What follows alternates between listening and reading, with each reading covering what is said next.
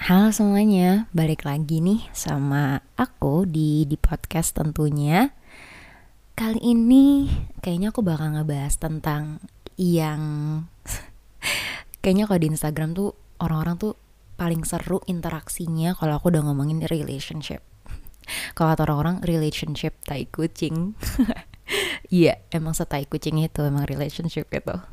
Tapi uh, relationship uh, uh, uh, relationship juga yang ngebawa kita ada fase di mana metode kita untuk menjadi dewasa itu ada di situ juga gitu.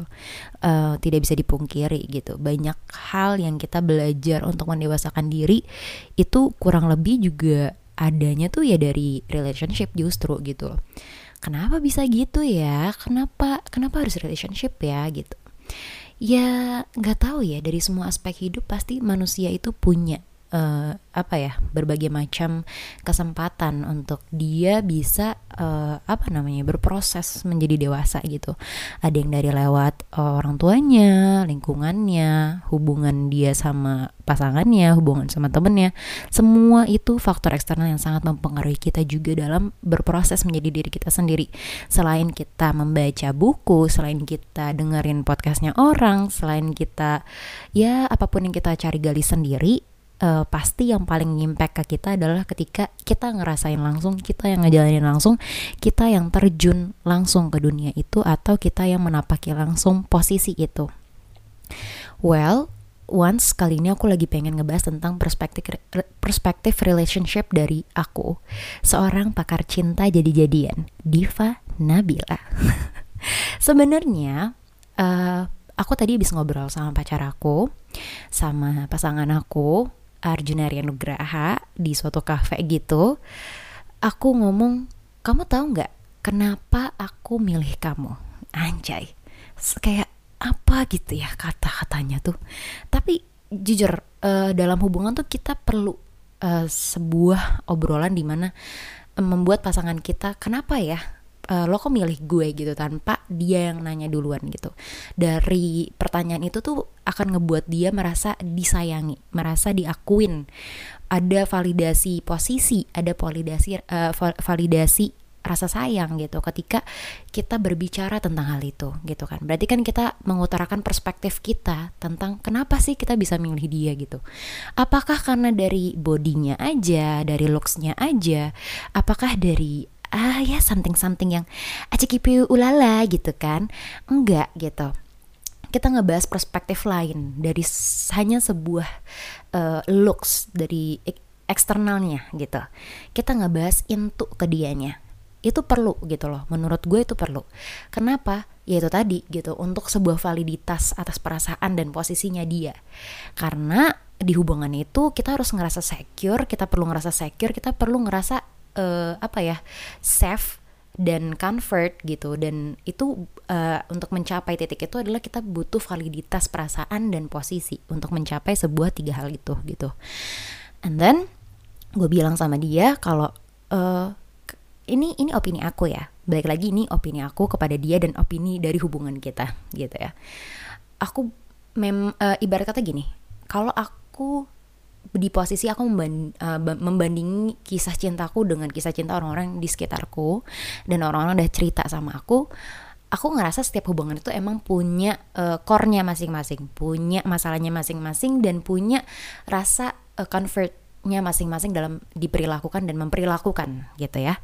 Dan menurut aku gitu ya kenapa aku mau memilih dia untuk menjadi pasanganku adalah aku bilang kayak gini sama dia kenapa aku milih kamu? Karena uh, semua orang itu eh nggak semua orang sih maksudnya kayak beberapa orang itu suka ya diatur ada juga beberapa orang yang nggak suka diatur.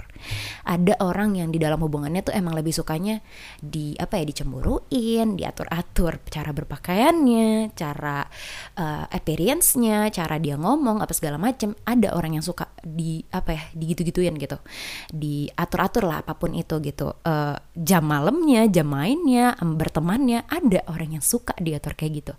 But for me aku kan nggak suka ya digituin. Aku nggak suka diatur atur aku nggak suka dibatasin. Semakin kamu mengatur aku dan membatasi aku semakin I will do the the things that you don't like it gitu. Kayak kemarin kita memperdebatkan permasalahan di mana gue kan gue suka pakai turban nih ya by the way gitu kan dalam berkerudung. And I have my own decisions. I have my own principle about hijab gitu. Menurut gue gue mem, uh, and I have perspective lain tentang hijab gitu. Dan gue mengimani hijab itu dalam sedalam itu gitu. Cuman orang itu nggak ngerti gitu. Sehingga beberapa orang melihat gue ketika pakai hijabnya seperti itu turbanan atau jiponan orang mikirnya kayak apaan sih lo tuh kayak setengah-setengah tuh nggak? Mending lo buka aja sekalian gitu loh daripada lo setengah-setengah gitu kan. And this is the thing that uh, menurut gue orang-orang itu nggak ngerti gitu kenapa gue kayak gitu dan sedalam apa sebenarnya gue mengimani hijab gue dan bagaimana perspektif gue tentang hijab gitu. Dan itu perspektif tidak bisa diganggu gugat sekalipun itu yang ngomong nyokap bokap gue atau pasangan gue apalagi sekedar baru pasangan pacar. Menurut gue seperti itu menurut gue seperti itu. Gue tekankan lagi ya. Ini gue membahasnya di spek dan uh, apa ya uh, di batas gue ya. Gue tidak membicarakan orang lain. Whatever orang lain mau gimana whatever. It's not it's not my uh, business. Alright? Oke. Okay? dan um, ada satu waktu di mana dia itu emang paling gak nyaman kalau ngelihat gue pakai turbanan gitu ya.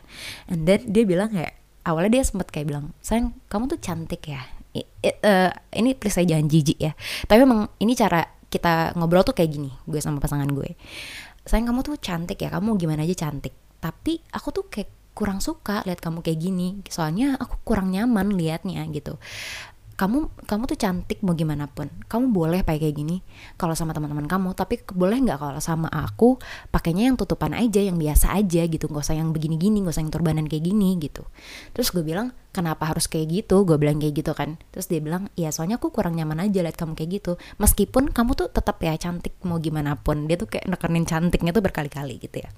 Terus gue bilang ya kalau kamu kayak gitu uh, berarti kamu hmm, pengennya aku nge-please ego kamu dong dengan karena hanya karena ngikutin kamu kurang nyaman aku harus ngikutin apa yang kamu mau sedangkan di sini posisinya aku nggak nyaman-nyaman banget untuk seperti itu misalkan.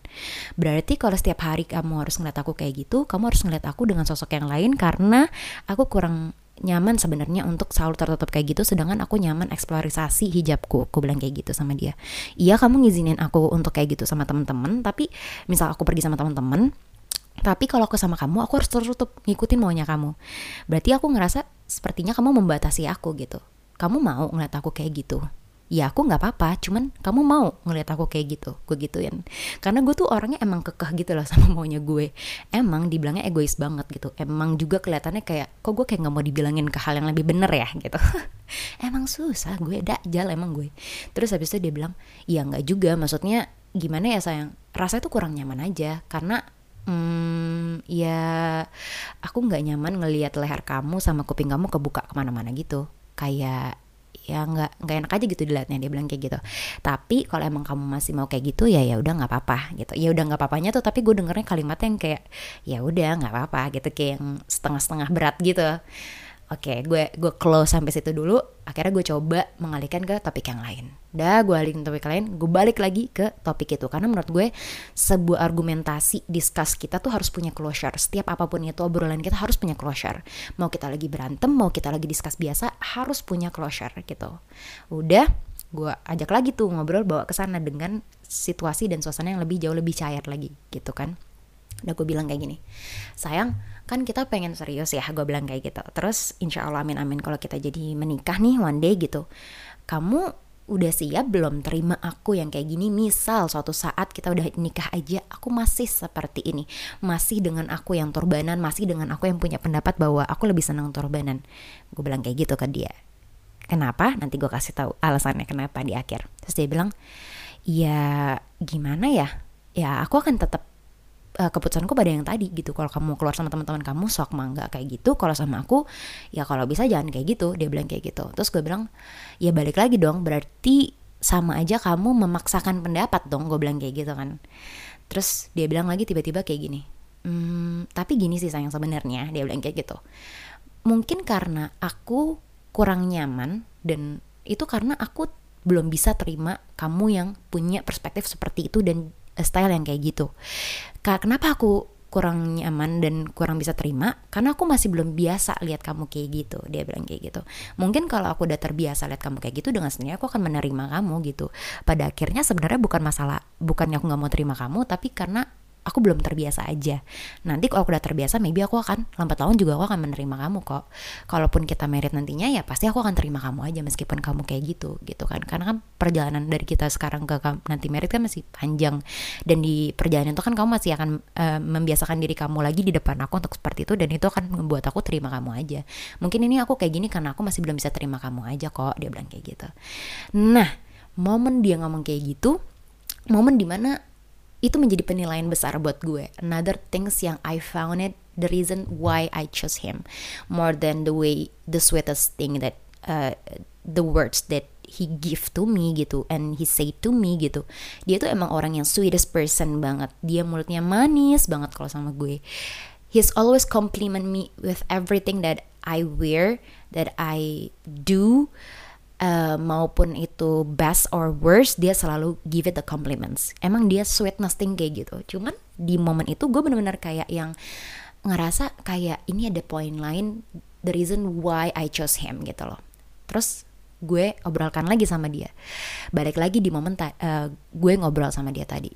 Kamu tahu kenapa aku milih kamu?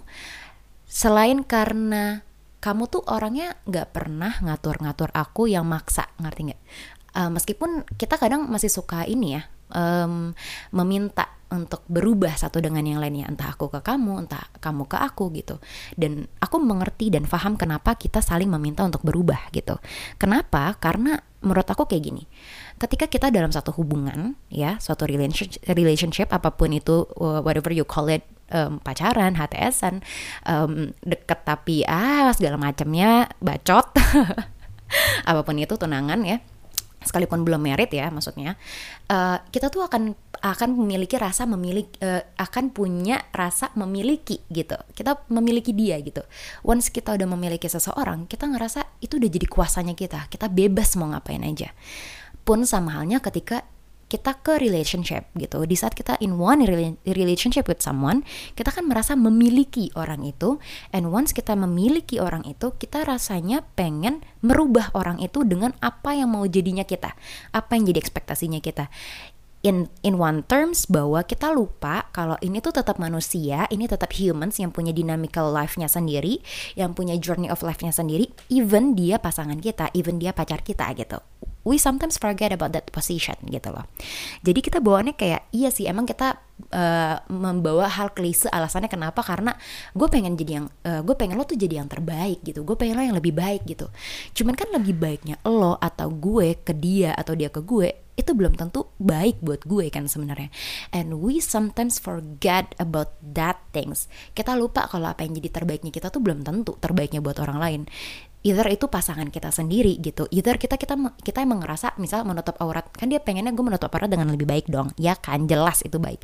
Cuman maksudnya untuk in this condition dia kan nggak ngerti-ngerti amat uh, prinsipal gue tentang hijab. And then karena kita belum ngobrolin hijab sampai sejauh itu gitu. Dan uh, emang bener juga gue juga pengen dong sebenarnya. Gue tuh pengen juga sebenarnya di another side gue pengen banget gue ada di titik yang di mana uh, ya gue bisa menutup aurat dengan lebih baik dan sempurna gitu.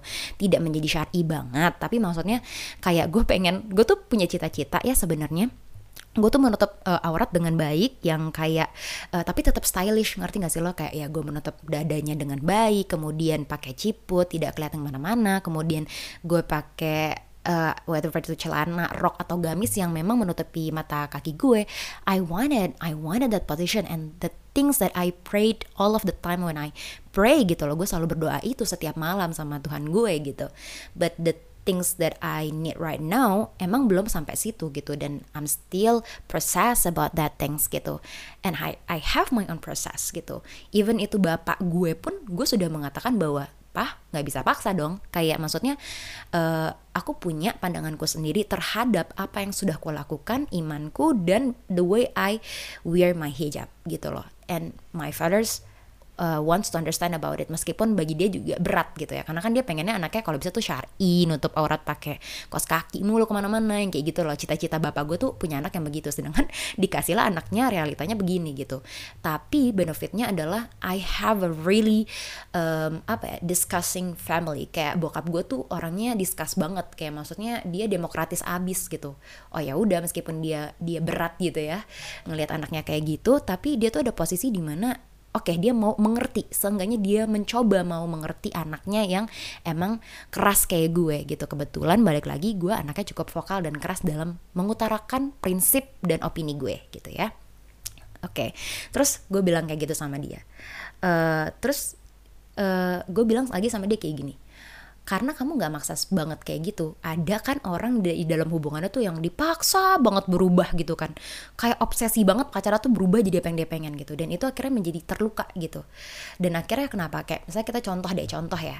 Uh, biasanya kan kita suka berantem. Ingat nggak dulu uh, kita tuh sering banget berantem gara-gara kamu nggak suka ngeliat aku pakai kerudung yang kayak gitu. Tapi aku yang kayak kenapa sih emangnya gitu. Gue tuh emang selalu ngegas mulu duluan gitu loh daripada kayak kenapa sih sayang? Kayak baik-baik itu tuh gue gue nggak bisa kalau sama pacar gue. Gue bisa kayak gitu sama orang lain tapi kalau ke pasangan gue tuh bawaannya kayak gue ngegas aja gitu. Gue nggak bisa nih gue gas gas gas gas gitu lu tuh kalau ke cowok gue gitu.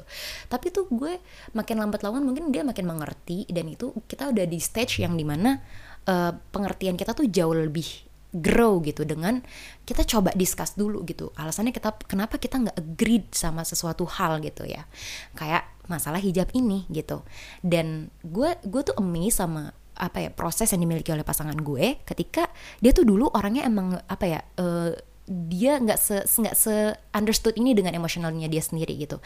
Di one times kayak gini kemarin dia sempat ngomong dengan kalimat yang seperti itu dengan dia bilang mungkin karena aku belum bisa terima aja kali ya karena kan aku belum terbiasa nih lihat kamu kayak gitu. Once kalau aku udah mulai terbiasa kayaknya aku juga akan terima-terima aja kamu kayak gitu. Nah one time dia ngomong kayak gitu tuh the things yang gue gue ngerasa ah dia nih berarti udah mulai udah mulai di fase di mana dia sudah sangat mengenali emosi negatifnya and uh, pikiran negatifnya feeling negatifnya dan dia udah mulai menggali akarnya kenapa dia eh, nggak uh, setuju kenapa dia nggak suka kenapa dia kurang nyaman gitu. Sehingga itu malah rasional di gue dan itu lebih ma masuk di gue karena alasan yang dikasih itu rasional di gue FYI gue tuh anaknya rasional abis kalau ada masalah kayak gitu. Gue nggak bisa dilarang yang kalau alasan lo tuh nggak rasional di gue dan gue nggak bisa yang kayak di pressure untuk berubah. Semakin lo, lo pressure gue balik lagi gue udah bilang gue akan pasti mental whatever lo pasangan gue whatever lo nyokap bokap gue nggak akan pernah bisa gitu. Jadi emang cara ngebilangin gue tuh uh, harus pakai strategi ngerti gak sih lo? Emang susah bilangin gue gitu.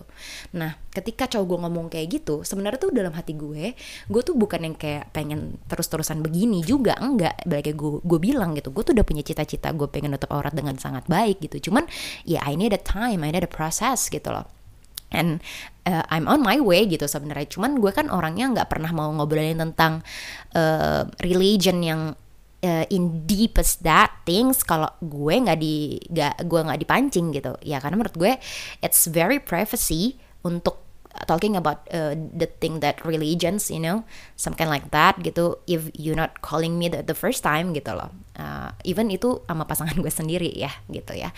And then gue bilang sama dia kamu tau nggak momen kamu kayak gitu momen aku malah malah jadi pengen berubah gitu. Berubahnya padahal kamu nggak pernah minta aku untuk berubah gitu. Kamu malah cuman lagi ngutarain ketidaknyamanan kamu gitu. Hal yang negatif di kamu. Cuman karena kamu sudah bisa menggali alasan kenapa kamu merasakan hal negatif itu di situ momen aku udah mulai ngeliat kamu banyak perubahan yang sudah lebih baik sama diri kamu. Di situ aku juga pengen jadi kayak termotivate untuk jadi jauh lebih baik lagi sama diri aku terutama pada cara berpenampilanku aku pengen jadi lebih baik bukan berarti pengen nge-please kamu gitu tapi ya aku emang udah dari dasarnya punya cita-cita kayak gitu cuman maybe kamu nggak ngerti aja sama hal itu gitu loh dan di situ tuh uh, momen ketika aku ngeliat oh mungkin ini juga yang jadi alasan kenapa aku milih kamu tuh karena apa ya uh, coba bayangin ya Misal kita masih tetap di kita yang dulu.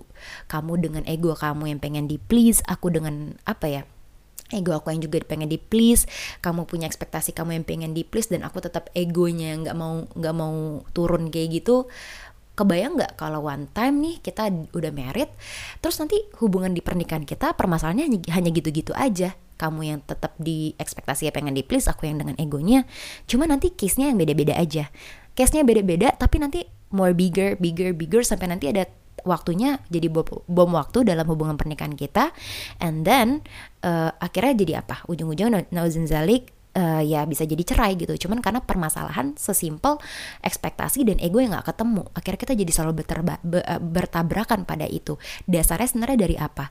Dari cuman permasalahan hijab dan looks yang kayak kamu nggak nyaman ngelihat aku kayak gitu dan aku yang nggak suka juga dan masih kekeh dengan ego aku dan prinsip aku yang begitu-gitu aja gitu nah berarti kan kalau udah kayak gini enak gitu.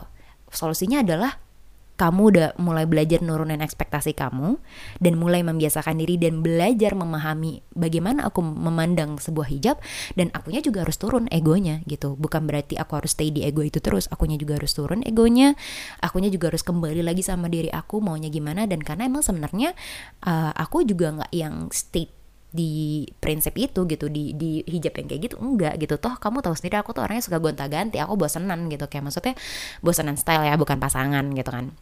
Jadi aku tuh uh, apa ya ada ada waktu di mana aku tuh sangat dinamis gitu loh. Jadi ketika kita udah ketemu kayak gini tuh enak gitu loh. Dan aku seneng ada di hubungan ini sama kamu gitu. Dan tidak banyak laki-laki yang bisa diajak berdiskusi tentang hal ini. Dan didudukan egonya seperti ini. Ini kan namanya egonya dia dan egonya gue tuh didudukan dulu. Didudukan dulu dalam artian kita tuh melepaskan itu dulu gitu. Kita discuss as partners. Kita discuss as pasangan gitu. As partners dulu deh karena kalau udah pasangan tuh udah mainnya hati banget tuh kan. Kalau uh, partners kan jauhnya partner partner itu jauh uh, jatuhnya jadi kayak oke okay, kita discuss kayak orang lagi ngobrol sama temen gitu loh. Dan akhirnya kita nggak harus memaksakan apa yang kita mau dan yang dia mau. Akhirnya kita nyari titik tengahnya oke okay, yang yang betternya gimana gitu. Dan uh, dari setiap berantem itu kan kita harus punya closure gitu loh uh, kita tuh nggak apa-apa tahu berantem punya disarguments gitu dis disagree gitu sama pasangan kita. Cuman yang membedakan adalah gitu ya uh, di mana kita bisa mencapai suatu titik um, closure. Konklusinya apa dari berantem berantem itu?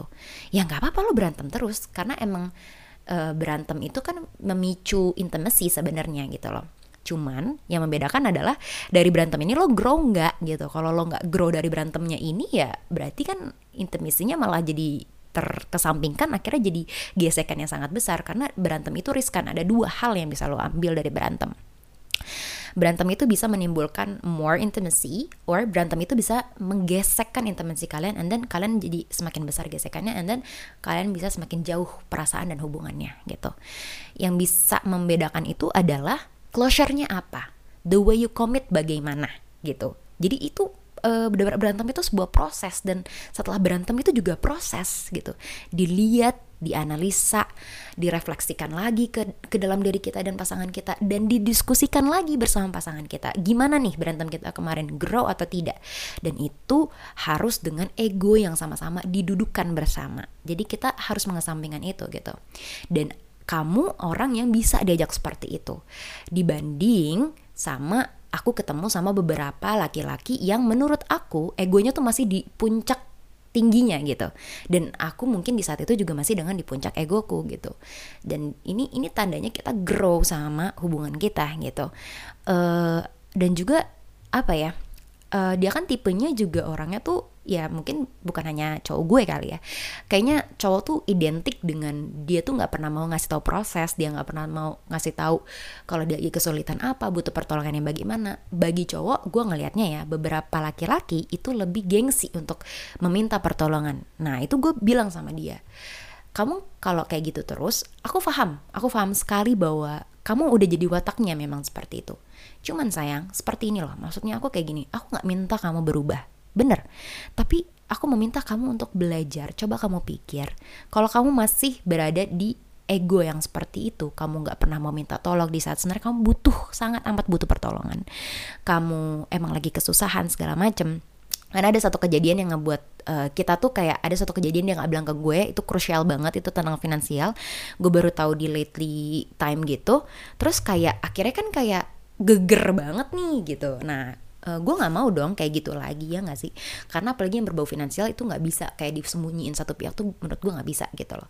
Lo harus struggle kalau emang lo lo ngerasa bahwa hubungan ini seserius itu seintimate itu lo udah mulai harus belajar membuka diri. Nggak harus buka semuanya nggak harus. Pelan-pelan aja gitu loh. Dan itu yang gue bilang sama dia. Sayang kan kita berniat ya. Dan sudah terucap pada lisan kita bahwa kita pengen serius gitu. Dan kita udah di level yang cuman ngomong kita pengen serius. Kita sudah mengutarakan itu kepada kedua orang tua kita. Berarti level intimasi kita sudah lumayan dalam gitu ya. Dan sebelum ini lebih dalam lagi gue bilang kayak gitu sama dia uh, aku tuh gimana ya kalau kamu tetap kayak gitu yang masih menyembunyikan kalau kamu butuh pertolongan and, and etc etc gitu ya. Nggak masalah aku ngerti kamu punya pride sendiri. Aku ngerti kamu punya caramu sendiri untuk solving your problem. Tapi kalau udah masalah yang sangat krusial dan kamu emang bener bener mentok kamu nggak boleh terus-terusan berada di situ. Kenapa? Karena itu akan merugikan diri kamu sendiri. Dan akhirnya ketika kamu rumit sendiri sama pikiranmu, itu akan impacted the way dengan dengan the way cara kamu berperilaku bersikap dan itu akan berimpact pada orang yang kamu uh, yang ada di sekitar kamu karena kamu berperilaku pada orang di sekitar kamu, terutama sama aku, ya kan? Nah, nanti itu juga berimpact pada akhirnya sama kita, ya kan? Nah itu akhirnya jadi lebih kusut lagi gitu. Kenapa? Karena nggak berusaha untuk dikomunikasikan dulu akarnya dari kekusutan ini di mana gitu. Nah kan kalau kita bisa mencegah dari kekusutan itu kan kenapa tidak? Tidak dengan cara kamu harus uh, buka-bukaan sama semuanya. Enggak, enggak juga. Spill dikit-dikit aja gitu. Toh aku juga ngerti bahwa aku mempercayakan solusi itu ada di tangan kamu gitu loh. Nah di saat itu tuh belajarlah untuk mulai, mulai aja untuk uh, nggak harus membuka diri semuanya dengan segala permasalahan itu enggak. Cuman spill spill gitu. Uh, kamu lagi kenapa? Apa yang kamu rasakan? Pelan pelan aja. Tapi ya aku ngerti itu butuh proses gitu loh. Karena kalau kamu kayak gitu terus-terusan nanti ada suatu hal kejadian yang krusial kemudian di suatu hubungan pernikahan kamu tetap stay di situ ya lagi-lagi hubungan rumah tangga itu akan jadi geger nantinya gitu. Dan akan jadi suatu permasalahan yang lumayan besar dan apa ya eh, nggak uh, mau jadi bom waktu aja gitu. Gue bilang kayak gitu sama dia. Nah dengan kamu udah mulai ada di stage uh, di mana kamu udah mulai mengerti kenapa kamu mengalami rasa negatif itu kemudian apa yang apa yang membuat kamu jadi merasa merasakan hal yang negatif itu berarti kan kamu sudah mulai mengerti perasaan kamu sendiri. Nah di saat itu aku udah mulai bisa melihat bahwa kamu udah mulai bisa terima diri kamu sendiri. Jadi aku ngeliatnya gini makin lama kan kamu makin bisa terima aku nih. Nah berarti aku udah bisa ngorek uh, bukan ngoreksi ya merefleksikan bahwa sebenarnya tuh diri kamu juga udah mulai belajar untuk menerima apa yang ada di diri kamu juga gitu. Mulai dari hal yang negatif hal yang kurang hal yang lebih dalam diri kamu gitu. Karena kan kita sebelum menerima orang lain kita tuh udah harus bisa terima diri kita sendiri dulu gitu loh. Kalau kita belum bisa terima diri kita sendiri ya gimana kita mau terima orang lain gitu. Meskipun kita butuh proses tapi kita udah ada proses yang nyata bahwa kita belajar menerima diri. Nah, aku melihat itu di kamu dengan bagaimana kamu langsung ngomong bilang e, sebenarnya karena aku tuh mungkin kurang nyaman karena aku kurang terbiasa aja kali ya ngeliat kamu kayak gitu. Makanya aku masih belum bisa terima aja. Mungkin karena aku nanti udah mulai terbiasa aku akan terima-terima aja kok. Nah the way kamu mulai legowo dengan ngomong kayak gitu tuh aku udah bisa lihat bahwa kamu tuh di hidup kamu sendiri aja udah mulai bisa legowo sama apa pun feeling negatif dalam diri kamu gitu. Di saat itu aku juga mulai bisa menilai diriku bahwa aku kan emang masih keras kepala sebenarnya. Cuman aku juga nggak sebaik itu gitu dan di hubungan kita juga emang nggak sebaik itu juga. Cuman kita tuh udah di fase yang kayak aku belajar mulai belajar menerima diri aku dan akhirnya aku juga mulai belajar pelan-pelan nerima apa yang jadi kekurangan dalam diri kamu pun kamu juga begitu ke aku gitu loh. Dan poin lain daripada aku bisa terima kamu adalah gini banyak orang bilang e, kalau kita dalam satu hubungan tuh kita udah siap terima lebih dan kurangnya orang itu tahu gitu kan tapi coba deh lo refleksiin di dalam diri lo dan hubungan lo dan pasangan lo. Bener nggak lo udah bisa terima sama semuanya? Hah? Ketika lo masih kayak ngerasa, misal gini ya, lo lihat cewek lo lebih daripada lo, dia punya kelebihan, dan lo ngerasa bahwa uh, kelebihannya dia tuh jadi kayak ngerasa lebih daripada diri lo. And then lo lo coba deh refleksiin, di saat itu lo udah bisa terima dia atau belum sama lebihnya dia? Hah? Kalau lo masih ngebandingin bahwa diri lo it's not uh, better enough than your girlfriend, or kebalikannya ya uh, lebihnya cowok lu ternyata nggak selebih itu dari diri lo gitu. Maksudnya you have that comparing gitu kan. Berarti lo tuh belum benar-benar bisa terima lebih dan kurangnya pasangan lo gitu loh. Karena lo masih comparing dan akhirnya ketika lo banyak comparing lo akhirnya jadi kayak ngerasa nggak lebih baik. Terus abis itu jadi kayak bawaannya pengen ngatur dan ngerem-ngerem dia dengan hal-hal yang misalnya lo cari-cari alasan yang kayak secara tidak sadar lo tuh sebenarnya pengen ngerem apa yang jadi kelebihannya dia gitu loh. Ngerti gak sih? Kayak um, kisahnya misalnya kayak kayak gini loh. Cowok sama cewek punya uh, dalam hubungan ceweknya tuh le le banyak lebihnya nih daripada cowoknya. Untuk saat uh, fase hidup yang sekarang ceweknya lagi banyak lebihnya nih daripada si pasangan yang cowoknya.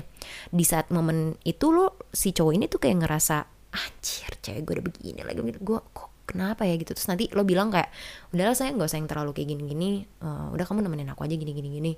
Menurut gue sorry banget berarti lo tuh sebenarnya lagi nahan kelebihannya dari cewek lo dan lo tuh sebenarnya lagi apa ya uh, pengen di please ego lo yang pride lo itu gitu. Karena lo nggak bisa nyampe ke apa yang jadi kayak pencapaiannya dia atau lebihnya dia gitu loh. Di momen itulah lo tuh sebenarnya belum benar-benar terima lebihnya dia gitu loh coba aja lo lo refleksikan dalam diri lo gitu. Pun sama misalnya cewek juga liat cowoknya lebih banyak dari dirinya gitu kan. Dan kayak saya kayak kayaknya kamu jangan ini deh kamu jangan kerja jauh-jauh ya gini-gini nanti aku me, kayak membatasi pasangannya gitu. Ya menurut gue berarti kan lo nggak belum siap nih terima lebihnya dia gitu. Ya kurangnya juga sama gitu sama halnya aja sama kurang gitu. Maksudnya kan orang tuh biasanya uh, bilangnya ah kalau lebih mah gampang diterima terimanya eits tunggu dulu uh, banyak orang yang sebenarnya secara tidak sadar bilang oh gue bisa kok terima lebihnya orang yang paling susah sebenarnya terima kurangnya. Enggak menurut gue kebalik. Sebenarnya kita tuh paling susah nerima lebihnya orang sekalipun itu pasangan kita sendiri. Kenapa? Karena kita belum cukup untuk mengisi pada diri kita tentang kata-kata enough gitu loh. Jadinya kita kayak ngerasa tersaingi juga even sama pasangan kita sendiri. Dan alhamdulillahnya ya nggak tahu nanti ya. Cuman uh, selama satu tahun lebih ini gue berpasangan sama Arjuna Arya Nugraha I never seen that uh, he in that phase of uh, things yang menurut gue kayak um, dia tuh sama sekali nggak pernah membatasi meskipun kadang dia ada rasa sedihnya. Dan untungnya rasa sedihnya itu dia utarakan bahwa uh, dia sedih sebenarnya cuma karena jauh dari gue atau kayak kadang kadang-kadang gue jauh lebih cuek gitu. Cuman dia tidak pernah membatasi gue untuk tidak mengambil itu, mengambil kerjaan atau mengambil apa pun itu karena dia ngerasa if it's good for you, ya yeah, whatever, and you happy on it, then go for it gitu loh. Karena kamu happy ngejalanin ya gitu. Aku tuh seneng liat kamu seneng dia bilang kayak gitu. Sekalipun gue bilang aku boleh nggak sayang S2 gue bilang kayak gitu. Even aku nantinya nggak tahu mana yang rezekinya dapat duluan kalau nantinya aku S2 duluan uh, sambil uh, yang ngejalanin sama kamu atau kayak merit sama kamu baru S2 kamu gimana gitu. Gue udah sampai di titik itu gitu sama cowok gue. Dan cowok gue bilang is okay gitu loh. Nggak ada masalah gitu. Kan S2 itu buat kamu bukan buat aku kan dia bilang kayak gitu. Toh juga ketika kamu S2 benefitnya buat aku adalah ya aku jadi bisa sharing sama kamu lebih lebih banyak. Kan kamu lebih banyak uh, ilmunya akhirnya kan. Dan akhirnya aku jadi yang nggak tahu kan aku jadi tahu gitu. Aku banyak berdiskus tentang kamu. So kenapa kamu harus ragu ngambil S2 dia bilang kayak gitu. Dan itu poin di mana you know zaman sekarang anjir susah banget bro nyari kayak gitu. Karena gue tuh pernah ketemu aduh pernah banget gue ketemu sama cowok yang kayak gue baru kenal sama dia tiga minggu gitu ya terus diajakin merit. Terus gue tanya dong emang ngajakin merit ngebolehin aku apa? Gue bilang kayak gitu gue masih suka kayak gitu anjir. Terus dia bilang ngebolehin apa maksudnya? Iya kayak kamu bisa nih terima aku yang aku masih pengen S2 aku belum mau punya anak misalkan. Gue bilang kayak gitu kayak uh, terus aku nggak mau tinggal deket-deket sama keluarga whatever itu keluarga gue atau keluarga kamu kamu bisa terima itu nggak? Gue bilang kayak gitu. Terus dia bilang kayak ya nggak bisa gitu lah kan kalau ada merit kamu harus ikut aku dan uh, aku uh, harus tinggal sama belah gitu gitu terus kayak ya terus ngapain S2 lagi? Kan kamu udah nikah sama aku. Ya yeah. gue kayak oh ini adalah sebuah red flag. Jujur li ya kalau di kalau gue gitu ya kalau ada orang yang emang fan fan aja sama dia dibatasi seperti itu ya gak apa-apa itu orang bukan gue ya bukan gue. Gue bilang lagi ini dalam batas hidup gue dan preferensi gue gitu kan. Nah di cowok gue yang sekarang itu nggak kayak gitu gitu. Dan that's why aku milih kamu sayang gue bilang kayak gitu. Aku milih kamu karena kamu mem, mem, apa ya memberikan aku kesempatan untuk kebebasan yang uh, bebas tapi beraturan, bebas tapi memiliki tanggung jawab gitu loh. Dengan uh, tanggung jawab itu kita jadinya komit gitu loh, komit untuk bertanggung jawab sama apa yang udah jadi kebebasan yang udah kita kasih gitu loh. Dan akhirnya gue jadi tahu diri dengan sendirinya gitu. emang kalau kalian lihat tuh gue kayak cowok ngerti gak sih gue tuh kayak cowoknya cewek uh, ceweknya tuh cowok gue ngerti gak sih kayak kita tuh kalau dalam hubungan kita kayak kebalik gitu loh gue yang kayak banyak aturannya. Maksudnya kayak gue yang banyak sibuknya aturannya. Terus kayak prinsip-prinsip idealismenya gitu. Dan dia tuh yang kayak ya udah enaknya kamu aja gitu gitu loh. Tapi sebenarnya dia berprinsip juga gitu loh. Dia dia sometimes juga sebenarnya di hubungan kita juga nggak yang uh, sebebas itu juga. Yang kayak masih kok masih ada yang kayak saya pengen dong kamu kayak gini kayak gini. Ada ada banget kayak gitunya. Cuman maksudnya uh, di hubungan kita kita udah di fase yang di mana uh, kita udah nggak maksa sama apa yang jadi maunya kita gitu apa pun itu gitu. Sekalipun itu apalagi dalam berpakaian gitu. Nah, gue udah bilang sama dia lo sebelum jadi nama gue lo udah kan lo udah tahu lo udah lihat gue begini. Jadi once kalau lo kita dalam hubungan lagi lo minta-minta gue berubah sorry banget gue nggak bisa janjiin kalau gue akan mengikuti maunya lo. Karena gue udah kayak gini punya proses. Gue begini punya proses sebelum uh, sama lo jadi kayak uh, tolong hargain proses-proses itu. Gue bilang kayak gitu sama dia. Dan dia waktu awal pacaran sih dibilangnya iya iya aja. Tapi akhirnya gue kan gue kan orangnya nggak nggak bisa langsung percaya iya aja ya. Maksudnya kayak ya gue lihat lah dia gimana bener nggak gitu kan. Dan ya bisa dibilang untuk saat ini ya gue bilang sekali lagi gue tekankan untuk saat ini sejauh ini gue bisa lihat kalau dia konses sama apa yang dia ngomong di awal dan gue bisa lihat dia banyak perubahan positif dalam diri dia yang uh, gue senengnya tuh apa ya dia tuh nggak gue juga nggak pernah maksa dia buat berubah seperti apa pun yang jadi apa ya terbaiknya dia sekarang karena emang bener-bener dia berubah sendiri gitu kan. Jadi gue makin seneng aja gitu gue nggak repot ngomongin dia ini ngomongin dia itu gitu. Meskipun gue tetap ya kayak gue bawelnya cewek gimana sih bawelnya pasangan apalagi gue cewek kan lo tau gue anak pertama ya kan. Terus sama-sama anak pertama susah susah susahnya gimana ngebilangin satu dengan yang lainnya gitu. Maksudnya tapi untungnya tuh dia orang yang mau diajak untuk bertemu dengan closure-nya, mau untuk didudukan egonya, mau untuk apa ya? Uh, commit sama problem solvingnya dan menurut gue di zaman sekarang it's really hard to find uh, some men yang yang seperti itu I don't know why maybe kayak apalagi kayak dan alhamdulillahnya masalah kita juga nggak nggak berkutat dengan orang lain kayak perselingkuhan segala macam alhamdulillahnya jadi kayak ya menurut gue untuk terhindar dari perselingkuhan adalah ya udah just free it your your partners tapi dengan uh, bebas yang beraturan gitu bebas yang bertanggung jawab gitu loh. Uh, kita juga nggak saling uh, melewati limit kita juga enggak gitu. Jadinya kayak ya udah kayak sadar sendiri aja gitu loh. Dan uh, paling permasalahan kita ya ego segala macam. Tapi kan itu nggak cu cuman ya kalau misalkan dibiarin terus kan juga berbahaya gitu. Tapi I lucky me dan gue bisa lihat progres itu dalam hubungan kita adalah ya tadi gitu uh, kita sama-sama orang yang mau memiliki closure, commit dan mendudukan ego kita. Nah, itulah arti dari sebuah hubungan menurut gue. So, sampai segini dulu sharing gue tentang hubungan tai kucing ini. Kalau gue ada kalimat yang kurang mengenakan dan kalian kurang setuju sama itu, ya mohon maaf ya. Karena gue kan, lagi-lagi gue nge ngebahasnya kan dari perspektif gue dan dalam hubungan gue. Batasnya dalam hidup gue ya, gue gak ngomongin hubungan orang ya. Jadi kayak, ya bodo amat. mau setuju mau nggak? Bodoh amat.